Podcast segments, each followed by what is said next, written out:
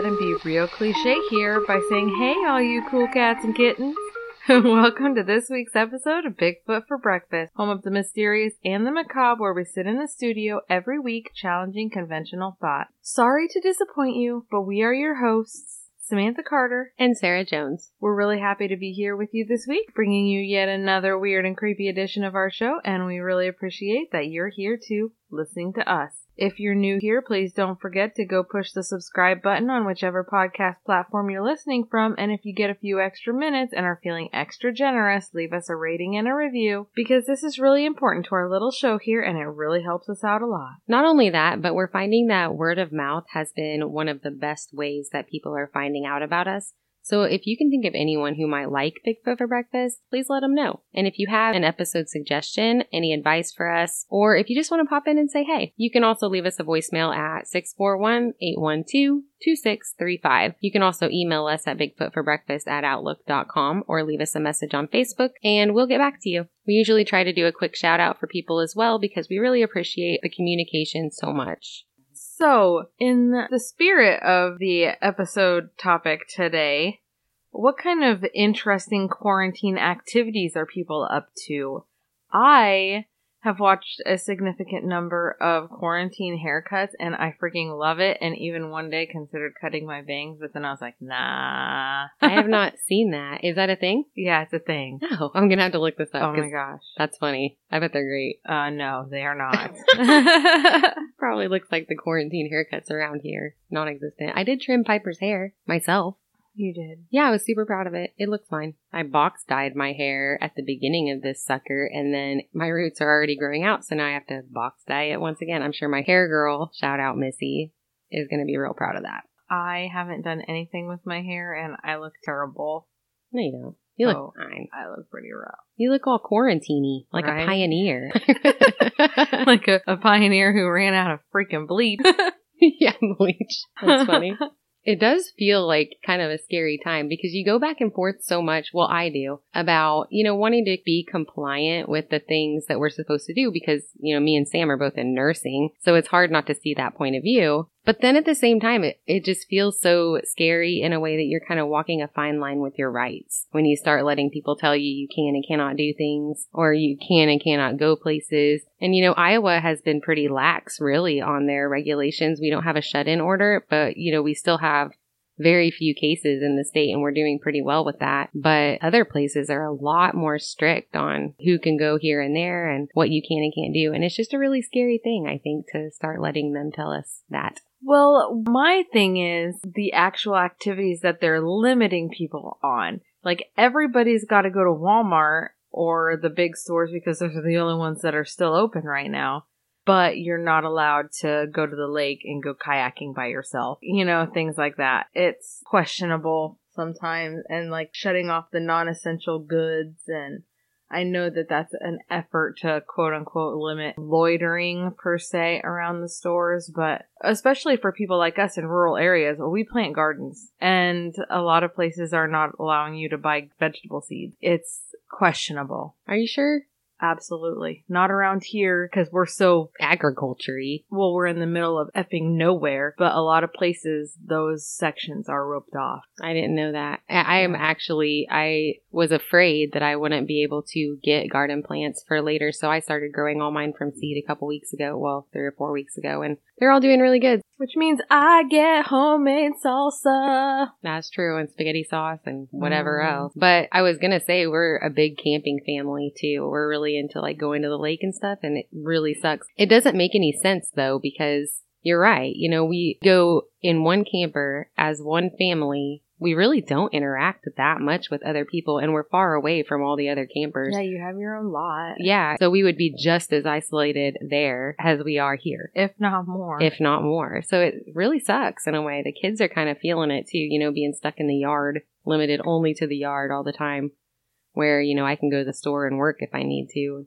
I don't know. I'm kind of feeling for them. I don't even know if this is true, but I read on the news or a news site a fake news site, I don't know, the other day about two parents who got arrested because they were playing t-ball in the park with their kid and they didn't want to leave. Can't be at the park. It's just crazy though. I mean, just those three people playing some t-ball and Mhm. nobody around them. And then another guy who was arrested at the beach for surfing out in the ocean by himself. By himself. Yeah, he's not near anyone. It's just kind of, I don't know. It's so questionable. You know, we care a lot about people's health and safety, and we get that. But the people who are appearing to be reasonable, I think that sh- they should be left alone. What's really frustrating is that people are getting arrested or fined, or the police are so tied up with things like that. But also, there's so many of those large departments that are limiting, well, we're not going to respond to your domestic assault unless there's actually a bodily injury. Or, you know, Mhm. they're limiting what calls they're going to respond to, but then they're chasing down people that are Not necessarily following the rules, but still not exposing not others. hurting anybody. Yeah, I feel like it's important to use reasonable logic during times like this. And the libertarian in me wants to keep the government out of all of our business as much as possible, but you know, the nurse in me still wants to protect the public, so it's so conflicting. Well, yeah, and I agree with that as far as healthcare goes. As a provider, obviously, I care about protecting people. However, at what cost? The patriot in me Right. says, nah, bruh. Protect the people, you know, shut down the nursing homes from visitors and things like that. You have the right to stay home if you don't want to be exposed. You also have the right not to. I feel that very strongly. And granted, I know that there are exceptions to the rules that people are going to be out being stupid and, you know, they don't care. But I did see that at some nursing home, I don't remember where it was, a family, I think, went and put painter's tape on these big windows in the form of tic tac toe. Mm-hmm. yeah. And they were playing tic tac toe with dry erase markers with the people on the other side. Anyway, we should probably get back on subject. Yes. So, without further ado, and since everyone these days seems to be on the subject of deadly disease, we are going to go right along with it. Like a bunch of sheep. Bah. But we're going to go back to one of the first major tragedies to ever be called a pandemic the Black Death. We're going to be taking you on a walk down the creepier side of this subject, and as bad as the coronavirus seems to be, it seems like nothing compared to the horror that they were dealing with in the Middle Ages. It all started much like other illnesses with a tiny little microorganism. This particular bacteria is called Yersinia pestis. And it was spread by a pretty common pest that we still see today, fleas. Fun fact, you can still get black plague to this day. Oh, yeah, I talk about this later on. Yeah, it's a thing. Well, I didn't know that was a thing until I thought prairie dogs were real cute. And they're Oh. like, wait, don't touch the prairie dogs. I didn't know that about prairie dogs, but it seems like if it shows up in the United States, it is more toward like the southwest area, kind of the four corners, Colorado, New Mexico, Arizona, you know. Prairie dog fleas. Yeah, prairie dog fleas. Huh. Who would have thought? Man, they are cute though. They are cute. I want to pet That them. sucks. the bacteria would basically cause the fleas to become septic and block their digestive systems, and while uninfected fleas would simply suck the blood of a person or an animal, these ones would suck their blood and then immediately vomit into the tiny open wound that it just caused with its bite. Mmm. Nom nom. Nom noms. Thus, infecting the individual. Fleas were far more widespread than they are today. There were no flea baths or pills that you could give your pets in order for you to keep them out of your house. So animals, houses, and people alike were commonly infested with them, with animals and rats running all over the place with unsanitary living conditions being pretty common. Were freaking everywhere. Given this fact, it seems obvious how this illness spread like wildfire. The way that the spread really got started, though, is a pretty interesting story. Before the spread of the plague throughout the world, certain parts of Asia had already been dealing with it for years. It had killed off a large percentage of the people in their isolated area, and most of the people who were left were said to have been unaffected because the community had built up such an immunity. Herd immunity, there's a lot to be said for it. Community immunity. Guess what you have to have for community immunity? What? Exposure. Well, yeah, that's what that's what happened. I'm being an asshole. Anyway, a much later study that I read concluded that they were fairly certain that it was Asia that provided the perfect climate for Yersinia pestis to thrive and continue to infect wildlife reservoirs there. It's a zoonotic disease, so it can be passed between animals and humans, and this transfer often happened due to fleas transferring from one host to another, and the bacteria evolves rapidly in response to changes in environment and hosts which makes it all the more scary. Me and one of the doctors that I work with were talking about this the other night, actually, and he was talking about how everyone was, they were all thinking that this was coming from the fleas. So they, You mean the coronavirus? no, The plague. the plague. Okay. And so, since they were thinking it was from the fleas, so everybody goes and kills their cats and dogs to get rid of the fleas. And guess what kills rats? So, most of the fleas were coming off the rats that were causing the plague. Now that was probably more after the Black Death because there were three plagues, the same plague that swept Mhm. through Europe. So there was an earlier one. Then there was the Black Death that we'll be talking about in the mid 14th century. And then later there was another one. And I'm betting that they're talking about the later The one because during the Black Death, they didn't know. They didn't know. Actually, we talk about why they think it was spread. But I bet they did kind of figure it out and start killing off their pets, which is horrible. Well, you kill the pets that kill the animals that carry the fleas that spread the plague. The rodents. But then again, their pets were killing these rats and getting rats infected. it, Yep. So I mean, I don't know. Whatever. Six of one, half a dozen of the other. Not much you can do, It all leaves with dead cats. right? anyway. Sam really loves cats a lot. Asia has a dry and arid climate, which is really conducive to longer periods of survival and thriving of rats and gerbils. Apparently, gerbil, wild gerbils are a thing over there. I didn't know. Sounds really cute. We had gerbils, remember when we were little kids named Lucy and Ricky Ratcardo? Remember that? yes, I remember. And then they had baby Ricky. baby Ricky. And then one of them had gotten loose. I was holding one when I was, I couldn't have been like six, seven years old. And I was holding it and it went down into the couch. Like it was starting to go down in the cushions and I got scared. So I grabbed it by the tail. Did you know that they detach their tails? Can you imagine a six year old Like pulling it back out and I am holding only the tail of my pet? Gerbil, I was hor- it's still, I was traumatized, but I didn't know that they just released them And then she ate it. I didn't know I did not. I cooked it first. Okay, so this was a thriving climate for rats and gerbils both to for fleas to feed on. And this climate was great for the fleas as well, because if you think about it, the fleas die off in the colder climates. So Asia has a long, long, long dry summertime climate. So they lasted a lot longer and it spread like crazy. Now, bear with us as we tell this story because a lot of the reliable history sources that we found were slightly different in their telling, so we did our very best to get it all right. We are, in fact, not scientists Nor master historians. or we, epidemiologists. We did our best to get this right, and we apologize for any, you know, wrong facts. However, do do point out if we did it. Just be nice to us because we're sensitive. I want to bake a cake out of smiles and rainbows and we can all eat it together and be happy. Right.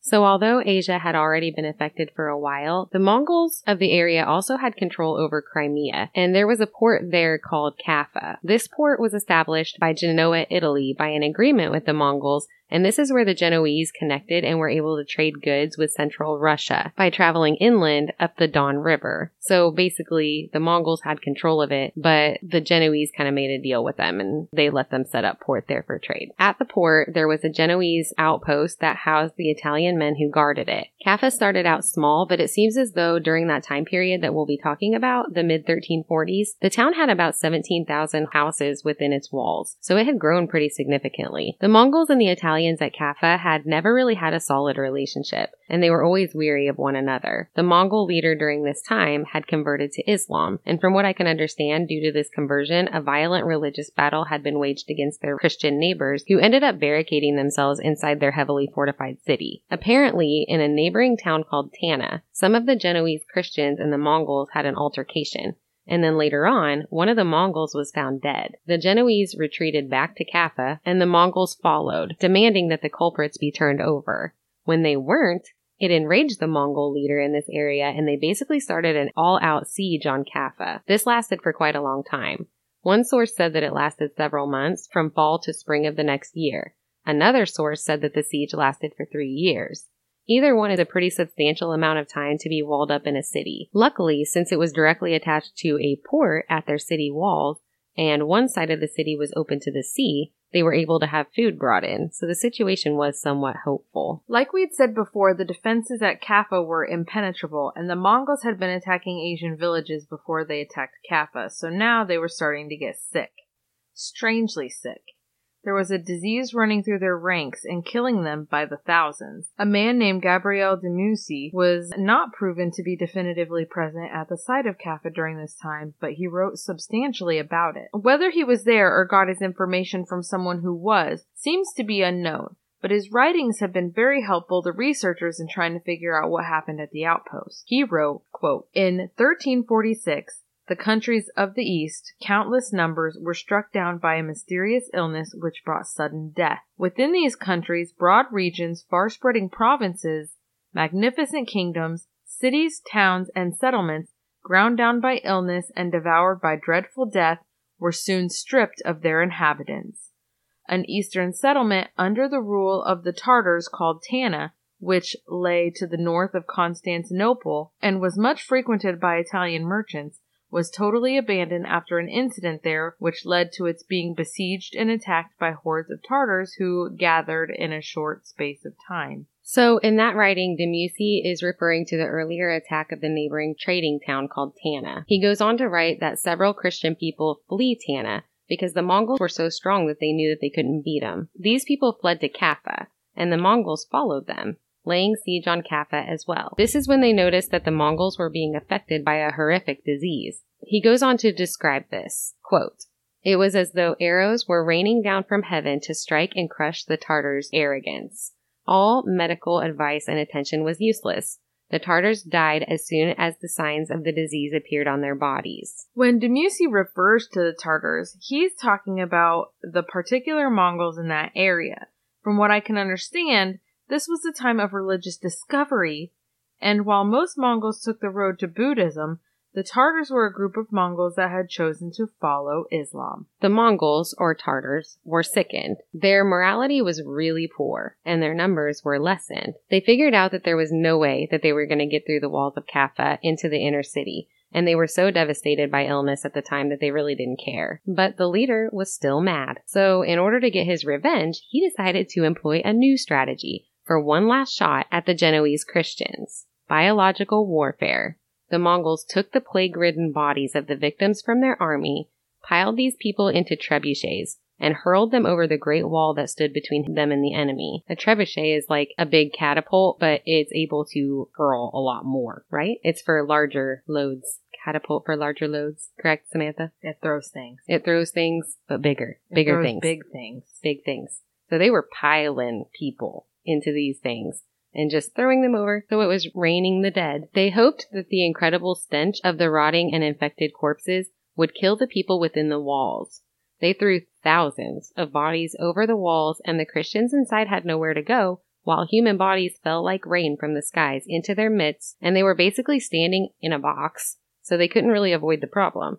They had to do something about it. They started dumping the deceased into the Black Sea or they would just try to hurl them back out of the city walls, but not fast enough. Everyone in the eastern part of the world had been affected. All races, all religions, all demographics, everyone. De Mussy goes on to write, quote, The scale of the mortality and the form which it took persuaded those who lived weeping and lamenting through the bitter events of 1346 through 1348 that the last judgment had come. De Mussy was found to have been unlikely to have been at Caffa during this time, but his writings seem to have been deemed reliable by most historians because he would have had direct access to eyewitnesses who would have been present at the siege. Eventually, the Genovese men decided to abandon their post. They had enough. And they hitched a ride out of the area with trading ships that had come by and they just got out of Dodge.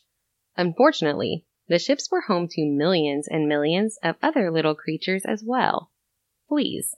Not only fleas though, also black rats. The fleas would feed like crazy on the infected humans and on the rats, infecting them as well. At each harbor stop, rats would leave the ships full of these people infected with the plague and they would go on into the village to do their thing. Also, the city rats from the harbors would board the ships to see what they had on board to eat and set sail with the ships full of infected people, creating even more infected rats to go out into the next port city. Italian writer Gabriele de Mussi wrote, quote, Among those who had escaped from Caffa by boat were a few sailors who had been infected with the poisonous disease. Some boats were bound for Genoa. Others were bound for Venice and to other Christian areas. When the sailors reached these places and mixed with people there, it was as if they had brought evil spirits with them. Every city, every settlement, every place was poisoned by the contagious pestilence, and their inhabitants, both men and women, died suddenly. And when one person had contracted the illness, he poisoned his whole family, even as he fell and died, so that those preparing to bury his body were seized by death in the same way. And so begins the single largest catastrophe ever known to mankind, killing a higher proportion of the world population than any other known event. This week we present to you the spread of the bubonic plague, also known as the Black Death.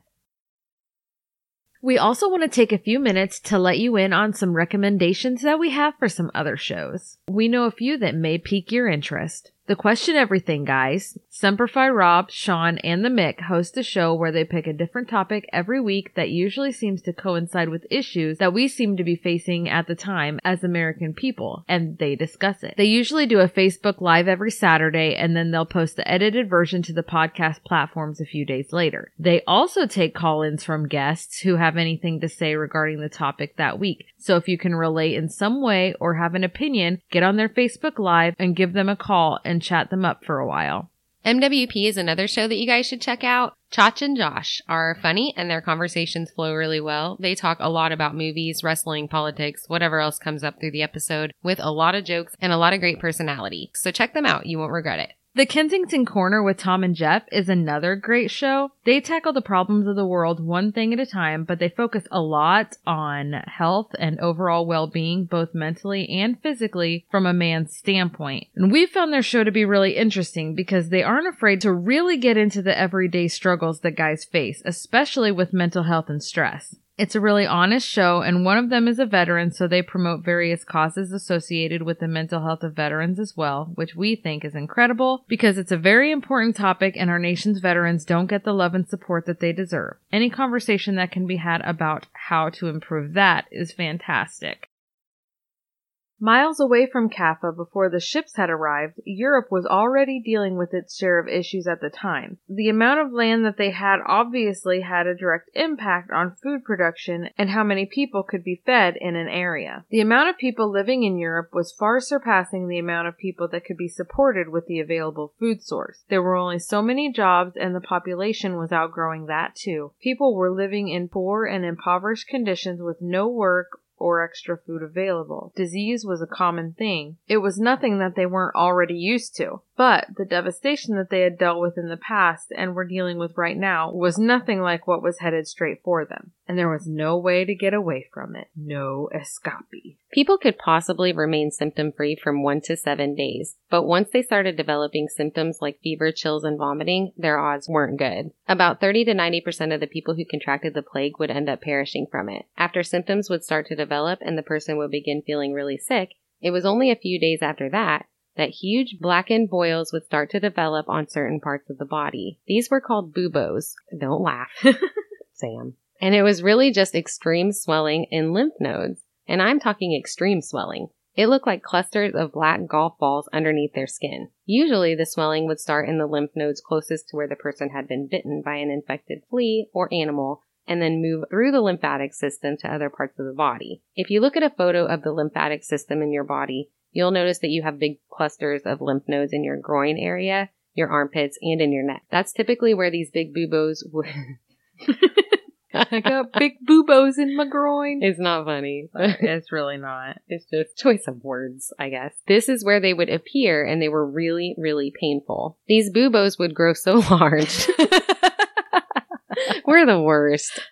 The worst. Anyway, they would either burst or seep blackened necrotic pus continuously. Sometimes the plague doctors would burst them intentionally in order to try to relieve some of the pain and pressure for the patient, but it's said that the black and smelly fluid that poured out of them was likely infectious and further spread the disease. Usually, the appearance of the buboes was a good indication that the inflicted person would be deceased in under a week. I want to take this second to apologize for any background noise that you're hearing right now. Due to COVID 19, my house is full of people and a lot of them are children. And although they're pretty quiet, you might hear kind of a banging here and there. And that's because they're upstairs and they're walking around. So we apologize for that. We'll try to cut out as many of those as possible. Also, on top of that, in the studio right now, we are housing a box full of baby ducks because it's too cold for them to go outside. They're my therapy ducks. Therapy ducks. So if you hear constant little chirps and peeping, which I'm not sure you will hear, but if you do, that's why. Ignore it. It's not be- Sam getting crazy. Be thankful I don't have a chicken today. So, not long after this lovely and extremely unpleasant symptom began, the infected person's feet, hands, lips, and nose would start to actually die and gangrene would set in on these parts of the body, which, as you can imagine, caused them an incredible amount of pain as well. Their deep flesh in these parts of the body was decomposing while they were still alive. The disease took many names during the time, such as the Great Mortality, the Great Pestilence, and eventually, due to the blackening of the skin from necrosis and the blackening of the swollen lymphatic glands, it came to be affectionately known as the Black Death. One of the Genoese ships carrying the infected Italian passengers from the village of Caffa rolled into Sicily in 1347. Expecting to find a ship full of goods, people rushed up to the dock to greet it. But when it landed, they boarded the ship to find pure horror. Most of the people who had been aboard the ship were dead when it arrived. The rest of the people on board were extremely ill with a disease that had never before been seen. It was obviously contagious as it had done this much damage on one ship in just the amount of time that it had been at sail. Authorities were alerted and they immediately ordered the ship to leave harbor. But sadly, it was too late.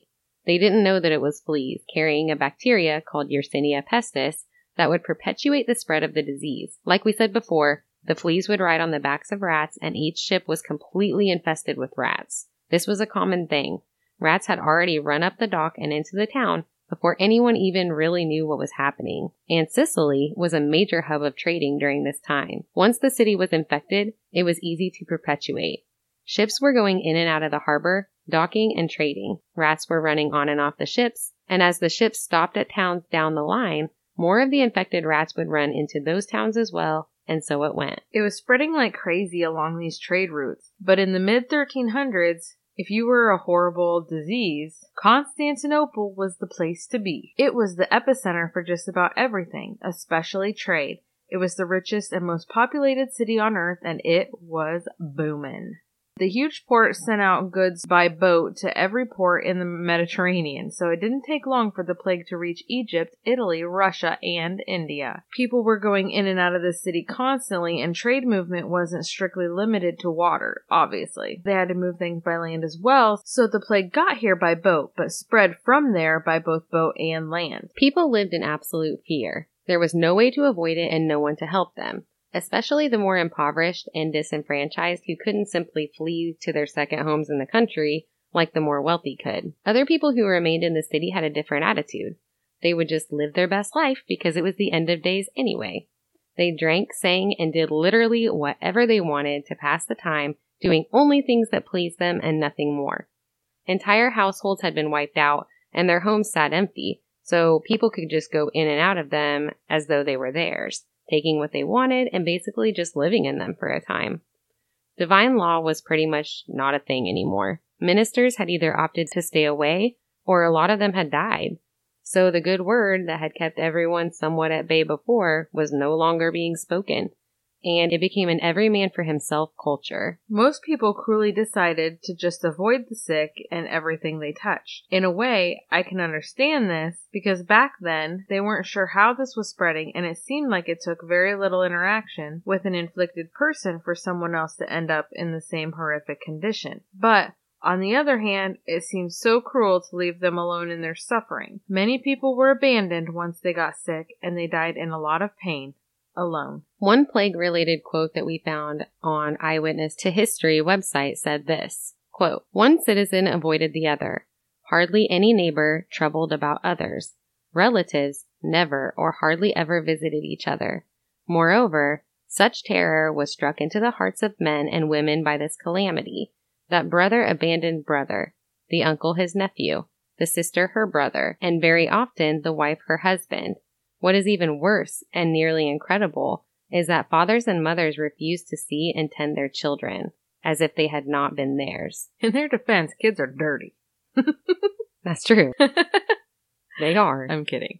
Don't abandon your children. I feel like it's important to say that right now. yeah, we're not encouraging that behavior in any way. I read a supposed ghost story while researching this topic that we thought was really sad. Because of the insane number of plague deaths and burials here, the British city of York is supposed to be one of the most haunted cities in Europe. A Ranker story tells of a family who moved into a house here and repeatedly heard long wails and crying throughout the halls. The crying was so sad that it depressed the couple so much and filled them with sympathy for the apparition. They did a little research of their home and found that during the plague, a little girl had lived there. Her parents both became sick with plague symptoms and had passed away. They were all she had. No one would go near her because they were too scared that she had been infected too, being with her parents all of this time. So, they resolved to lock her up in the house with her parents' corpses, boarding up all of the windows and doors, leaving her there to be forgotten. She remained healthy, but slowly starved to death horrible. So, see, there wasn't much sympathy for people. They were largely just ignored and avoided if they had any symptoms. Most doctors of the time backed off and became unwilling to try to help due to the high mortality rate and high risk of infection from a disease that they didn't even know anything about.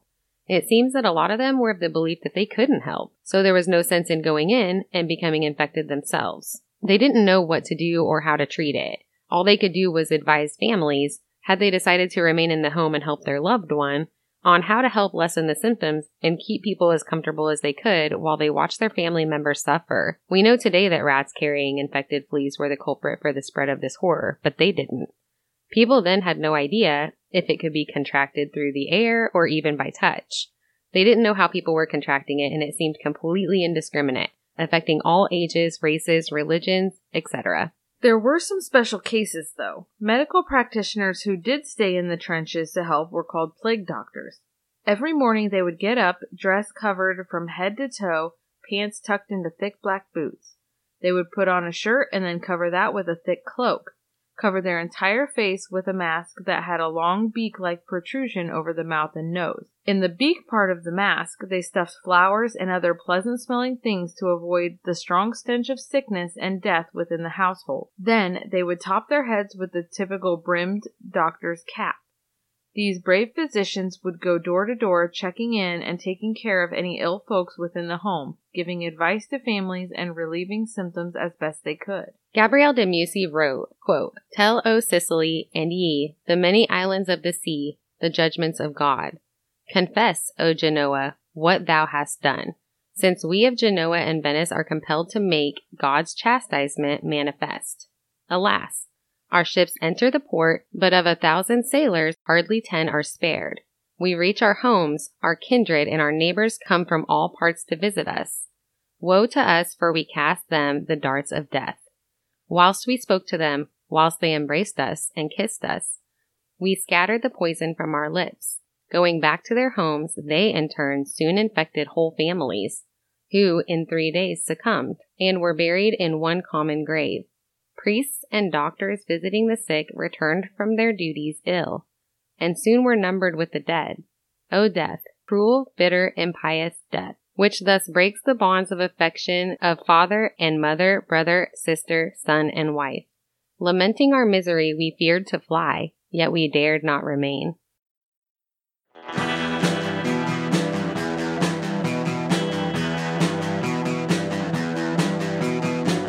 You're listening to the Prescribed Films Podcast Network, home to hundreds of hours of free podcast entertainment. The shows on this network all have a common goal providing you with the best discussions about movies and other forms of entertainment media. The PFPN hopes to fill your earholes with audio joy. Visit our website with links to all the other amazing shows at www.thepfpn.com. Thanks for listening.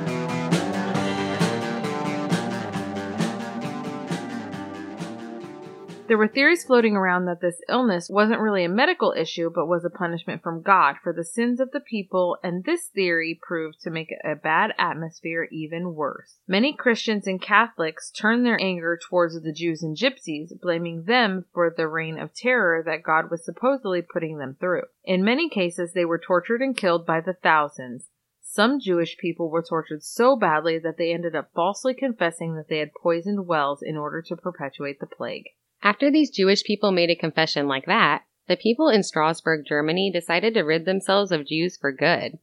The Jews there were all arrested and they were told that they could either repent for their sins and convert to Christianity or be burned alive on stakes in rows with their fellow believers. Many of them converted and they were baptized against their beliefs for fear of death for themselves and their families. In Strasbourg, 2,000 Jewish people were killed this way, the council there canceled debts that the feudal lords owed them and took any money that the Jewish people had and rationed it out proportionately to the working men of the city. They then agreed that no Jewish people be allowed into the city for a hundred years. They did readmit the Jews after 20 years, but I'm surprised any of them wanted to go back. Other cities in Europe had heard of this and decided, hey, that's a pretty good idea, doing the same thing to their Jewish population. Not as much, but women were often blamed by society for the Black Death because it seemed that the majority of the inflicted or dead were men. So obviously, women were to blame for this because they were using witchcraft in order to take over and overthrow the patriarchy. Sam just threw her fist in the air. Women were mostly charged to care for the dead and perform as nurses for the doctors. You would think that this would garner sympathy and admiration for doing such a tough job, but no.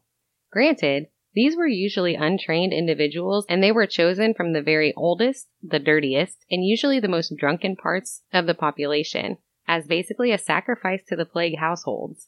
So, they weren't likely the most caring and they weren't likely the most willing. These women were seen as completely revolting to the public, as they had been in contact with the infected quite often. Don't be hating on your nurses, guys. We talk about that. It was kind of like a big game of cooties.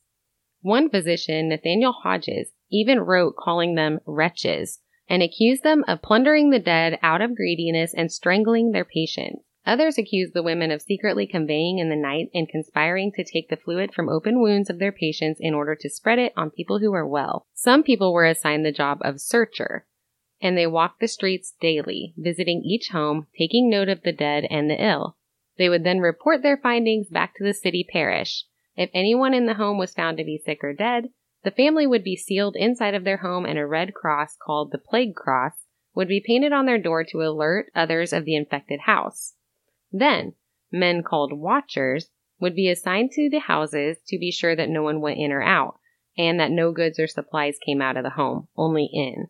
Corpse bearers would then go to each home and collect the bodies, burying them in mass graves. Our girl, Florence Nightingale, would go on later in history to promote nursing as a more skilled and sophisticated profession that is to be performed with empathy and education. And being nurses ourselves, we love her for that. Heck yes. The deaths from persecution and the plague were so widespread that the living had an extremely hard time keeping up with the amount of bodies that were piling up around them. They were literally stacking people up on top of one another outside of the town and city walls. A lot of the reason for that is because nobody wanted to deal with them for risk of exposure. Did you see that post on Instagram where the chick was like, If I want to know if you were a bitch in high school, the only question I need to ask is, How's nursing going? Oh, like you're an asshole. That's me. in some areas, people were bleaching the bones of the dead and using them to construct houses and churches. One of the churches is actually still around. Sedlec ossuary in the Czech Republic. Mass burials were probably the most popular method for disposal. The cemeteries were full and there wasn't enough consecrated ground to bury them individually, as was the usual method. Too many people were dying. Huge trenches were dug, and the dead were lined up along the bottom, covered with a little bit of dirt, and the next row of dead lined up on top of them, covered with a little bit of dirt, and they stacked them until the trench was packed full and another trench would then be dug. You know I love my fun facts. And we have one for you now. One area of Italy called Poveglia Island was said to have been used as a mass burial site for victims of the Black Death. Over the site, later in the 1920s, a mental hospital was built. The people within these walls were constantly talking about seeing ghostly apparitions with boils and infections covering their bodies. So one of the especially cruel physicians there decided to use the ghost sightings as a quick excuse to perform lobotomies on his patients in order to not have to deal with them anymore. It's said that the spirits of the plague victims began torturing the doctor, constantly harassing him until he finally went crazy enough to jump off of a building. The people of Poveglia still talk about ghostly sightings. Feelings of being watched, being scratched, or pushed due to hauntings from victims of the Black Death to this day. At one time, the island was open to tourism, but it has long since been closed. However, people still sneak onto the island to see if they can find anything scary there. We also read that recently Italy wanted to try to rebuild the island in hopes of restoring it for residential and commercial use. They sent a construction crew over to rebuild an old hospital, maybe the old hospital we talked about earlier. I don't really know for sure, but that did not go well. I read that the construction crew promptly abandoned the site not long after starting work and did not feel compelled to explain why. They just left, and no one would say what happened to make them do this. There are a million sad stories from this time period, no doubt, but one of the saddest that I read was of a monk named Gerardo Petrarca. I was drawn into this one because for all of you literature buffs out there, like myself, you'll be fascinated to know that Gerardo was the brother of Francesco Petrarca, otherwise known as Petrarch, who was a poet.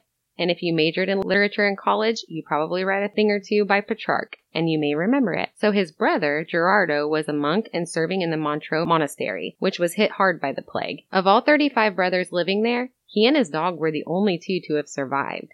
Gerardo had to bury each and every one of his brothers, all 34 of them, alone. I want it's kind of cool about how some people like seem to have an immunity to it. Yeah, they actually, I didn't mention this in our episode, but there were actually huge, not huge, but big areas that weren't touched at all by the plague. And they were kind of right in the middle of Europe. So it's so weird that they wouldn't have been affected. But yeah, they talk about that a lot, that there does seem to be certain groups of people that seem to have been completely unaffected. You say I didn't mention this in our episode, but literally we're mentioning it in the episode right now. Well, you didn't mention it in the writing, but it's I in didn't- the episode. I didn't mention it in the writing of the episode. yeah, it is in the episode. You're totally right. Here we are in the episode. there were a lot of different treatments that were tried out during the plague as well, especially preventative, and they were interesting. Rubbing onions or chopped up snakes on boils, drinking vinegar, arsenic or mercury, and we have already talked about the bursting of the buboes. Those were pretty common. Probably not helpful, but common. Physicians of the time also advised eating a diet that is balanced, but not like what we think of as a balanced diet today. There was a balance of hot, cold, wet, and dry. Eat something that fits into those categories daily, and this will help you keep from getting sick. But there were other methods of treatment that were even more bizarre by today's standards. Here we go. Cutting up a pigeon or a chicken and rubbing it all over your body. It was called the Vicary method, named for the doctor who introduced it to society, Thomas Vicary. Quack quack. If you were using a hen, you had to first shave her backside and then strap the buttocks of the live chicken to the affected area of the person, right on the boils or the swollen lymph nodes of the plague ridden individual. I just want to point out earlier that you said whack whack, and neither a pigeon nor a hen makes that noise. No, but the quack doctor does. Oh, gotcha. Ha. I see where you're going with that. Quack doctor. Welcome to my world. right? So then the chicken would get sick as well, at which point you would remove the chicken and wash it. After the chicken was after the chicken was clean, its shaped butt was put back on the swollen lymph nodes of the sick person. So you're walking around with a live chicken. well, you're not walking around. You're in bed. When this extremely popular widespread method didn't work, the chicken was released to spread the plague that they had now been exposed to all over the area. What a deal. Well, they didn't know that it was fleas. So they just let the chicken go because it didn't work. And then it would just go spread more plague. With a bare butt. With its butt all exposed. Poor thing. No modesty for chickens during this time. Did they shave the butt or did they pluck the butt? Because I- that would be horrific. it seems like they would pluck it. It said shaved, but you know, it's feathers. So seems more reasonable to pluck. Drinking a 10 year old treacle. A treacle is a type of syrup that is made of several ingredients by herbalists. They would let the syrup sit around for about 10 years in order to grow molds and cultures, and then it would be available for drinking during sickness. This was popular medication during the time of the plague, and it sounds like it was very unsuccessful. During the plague, another option was to go out and gather emeralds, crush them down into a pestle of basically glass shards, put them in water or food, and then down the hatch they went. We do Wasn't- not drink our rocks. We don't drink rocks, especially pretty ones. Right? Bloodletting was another pretty popular option at the time. The idea of this was to reduce the amount of hot blood in a person's body when they are sick. This dates clear back to 800 BC and was used for a huge amount of illnesses. Bloodletting was commonly done using a relatively painless yet horribly disgusting technique. Yes, folks, I'm talking about leeches. Numerous leeches were collected by leech collectors in the medieval days and sold for a good amount of money. So this painless method was only affordable by the upper class. Multiple leeches could be placed on various parts of the infected person's body for a period of time. The lower class, however, endured a different method. Their skin was cut open at the vein and blood was drained into a bowl at their bedside. It was painful, and in those days, the conditions in which this was performed were far less than sanitary. So the risk of additional infection on top of what the patient was already experiencing was substantial. So, if you thought the leeches were gross, you might wish for a cure like that after you hear about the next couple. Remember the incredibly inflamed lymph nodes that we talked about earlier? That were the size of golf balls underneath the skin a lot of the time? Well, with this next cure, those were cut open and drained. Common practice then, no big deal. Gross. But then, some very inventive individual thought to concoct a mix of plant roots, tree resin, and poop. Yes, I said poop from a human. They mixed this up really good into a paste and applied this paste from hell directly to the open wounds. Yeah. Not only that, but for some reason or another, it was advisable for the infected person to sit in a bath of human urine in order to relieve some of the plague's horrible symptoms. If you were not infected by the plague and you would be willing to collect your urine every day, you could make a good chunk of side cash for it because there were a lot of families willing to buy it for their loved ones in need. If simply sitting and soaking for a while in urine didn't seem to be effective in relieving you of your symptoms, you could always drink a few glasses of the clean urine a day in order to speed it along. Blech. I kind of feel like if they didn't have the plague before, they would after this. Yeah, for sure. Mm-mm. How much less painful would the wounds be when they're. Ugh. Anyway, so gross. Mm-mm. So, people who believed that the Black Death came as a punishment from God began holding processions in the street in which they would publicly whip themselves for their sins and yelling out for others to do the same. They were hoping that this would compel God to take pity on them, stop the disease, and forgive them. They would also engage in self chastising and would confess all of their sins to anyone who would listen, even if they were really minor sins. And people locked themselves away inside of the churches. A small amount of people felt that the disease was related to recent large numbers of comet sightings in the night sky, and others thought that it was simply the devil invading the land for the coming apocalypse. Throughout Europe, the plague was largely referred to as the Black Death, like we said before. It seemed that people needed to find a way to personify the thing that was killing so many of them in order to better understand and blame it. In Scandinavia, they identified the death as an old lady called the Pesta. It was told that she was a hideous and shriveled woman and she would come by the houses of those who were infected. If she carried a rake with her, it was hopeful sign that some people within the household would make it through and live. If she carried a broom, everyone inside was destined to perish. Many people are aware of the immortalized, creepy bird beak like masks that were worn by the plague doctors. Well, they weren't only fashionable, but they did serve a functional purpose. Before doctors and scientists really understood that germs were what made people sick, there were a lot of other ideas floating around out there. Many, if not most, people believe that foul smelling air is what carried the disease along.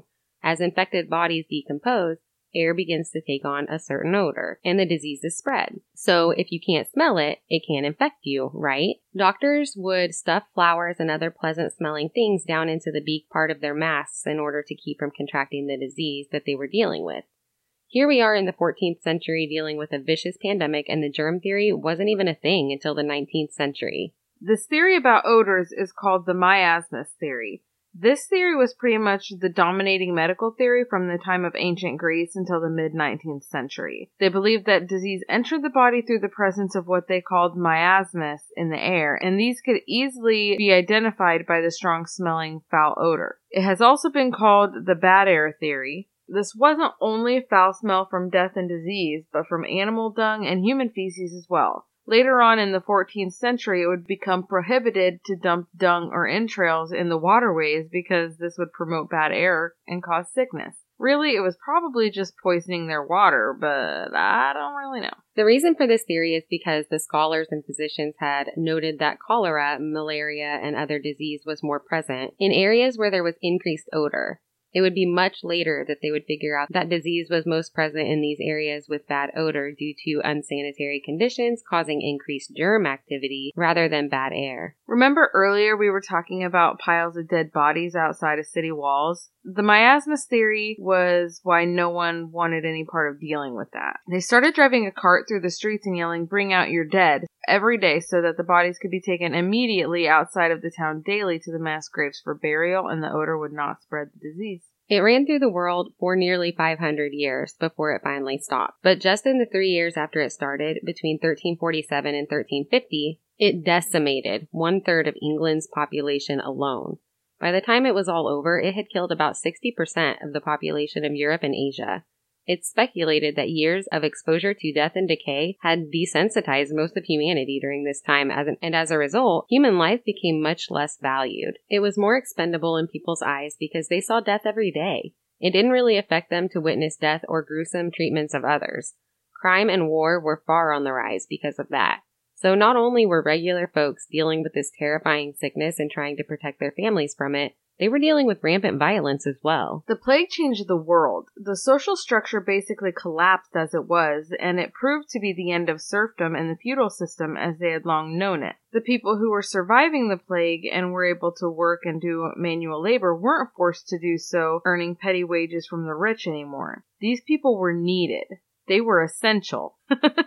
Prices of goods and food were extremely high because due to the waning workforce, there wasn't enough of it. And even though there wasn't enough of it, no one was able to buy it because they couldn't afford it. They hadn't been working. They were able to negotiate and demand actual wages from the work that they were doing instead of basically being condemned to slave labor for scraps as they were before. They were in a position to demand land and opportunity because there was such a shortage of people left to do work, and due to a severely decreased population, there was less competition for land as well. People no longer trusted and respected their leaders not only because they didn't protect them, but because they largely abandoned them. People turned away from the large churches, not completely, but they didn't rely on them as a need to get into heaven or to gain favor from God because they had seen the way that the church turned them away during their time of need. The church at the time was seen in a different light. People still attended church, but not because they were compelled to. Personal piety was flourishing, and people were finding their own path. This didn't come without a fight, though. The aristocracy of the time didn't want to give up their lavish lifestyle and their slave labor. They fought the demands of the newly emerging revolutionary workforce, and this led to anger and riots all over, especially Europe. In the end, higher wages and a more independent workforce was established. However, the taxes that they had wanted to cut remained the same. It was a small victory, but a victory nonetheless, in a world that was moving in a better direction that would provide opportunity across the board instead of hoarding it all at the top. The world was still fighting the plague here and there, but three or four years after it started, it had lessened significantly and things were starting to get back on track. Women of the time even gained some rights here. They were at least permitted to keep the land of their husbands if they had perished during the plague. However, they were only allowed to do this for a certain period of time. They had to remarry, and then their husbands would receive the land. If they didn't remarry during this time frame, the land would go to the authority in the area or the male nobility. Upon researching the Black Death, there was a lot of information found that I didn't remember learning in history classes when I was young. So we thought it'd be interesting to share with you guys since plagues and pandemics seem to be the ultimate topic of conversation these days. We also found it to be really interesting that a lot of scientists seem to be at odds about the type of plague that really invaded the world during the 14th century. Although this pandemic always seems to have been known to have been a bubonic plague, some credible people contend that this plague absolutely had to be airborne, making it a pneumonic plague. The reasoning behind their thinking is that they don't believe that rats could have perpetuated the spread so quickly. Others argue that the symptoms were recorded by witnesses at the time, and the fact that rat infestations were so rampant says that it could have been spread quickly due to fleas and rats. So, who knows? There are really smart people arguing it both ways. Throughout the world, entire towns were wiped out. No survivors. These towns were often left deserted and to decay and they were never repopulated. They just sat empty until they became overgrown with trees and were taken back by Mother Nature herself. A lot of them weren't even discovered until aerial photography became a thing during World War I, and the planes flying overhead caught glimpses of the remains of buildings and structures deep in the trees. These towns were big finds because it really helped in researching the toll that the Black Death took on individual cities and towns. The plague is still a thing today. It's treated in modern times with antibiotics, but back in the 14th century, they didn't have that. So if you got it, you just had to ride it out and hope you were one of the luckier ones who would survive it. But your odds weren't good, and generally your family would try to take care of you in their home and watch you suffer and die a slow and agonizing death. This was happening in nearly every household. There was an outbreak as recently as the early 1990s in a remote area of India that really freaked out the world. It appears that, according to popular belief, quarantine seems to have been the answer back then. And after all of the studying and crude treatments that they were attempting while trying to fight this pandemic, people eventually just resorted to staying away from each other. And this worked. Fun fact. The word quarantine actually comes from the time period of the Black Death. Ships were docking in Italian bays instead of harbors for 40 days before being permitted to dock, and they called this act quaranta. 40 days. Mm-hmm. So that's it for this week's episode of Bigfoot for Breakfast. We hope you learned something today. We know we did. Be sure to come back next week for more scary and interesting topics because we have a crap ton of them lined up to share with you in the coming weeks as long as you keep coming back to listen. We really appreciate the support that we receive from our listeners and try hard to respond to each message. We love the interaction, so keep it coming. If you get a few minutes and want to help support the show, we would really appreciate you taking the time to leave us a rating and a review on whichever podcast platform you listen from, because this helps us out a bunch and we really appreciate that as well. Another thing you can do to help us out is just tell a friend about us. Word of mouth is huge for our listener base, and just spreading the word to anyone who might be interested in listening is really awesome. Also, we have had some trouble lately getting shirts and cups from our last couple of contests, but we want to let you know that if you have these things coming, we did get them yesterday and we'll be shipping them to you now. So your free stuff is on the way and we appreciate you being so patient. We do want to announce that since we're getting merchandise back in, we want to hold another contest. And all you have to do to enter is share our page on Facebook, Instagram, TikTok, Twitter, and that's it. Your name is entered. Your name will be put in the mix for each time you share us on any of these platforms, so just go crazy. Do it. With that, we'll be back next week, and we hope you will too.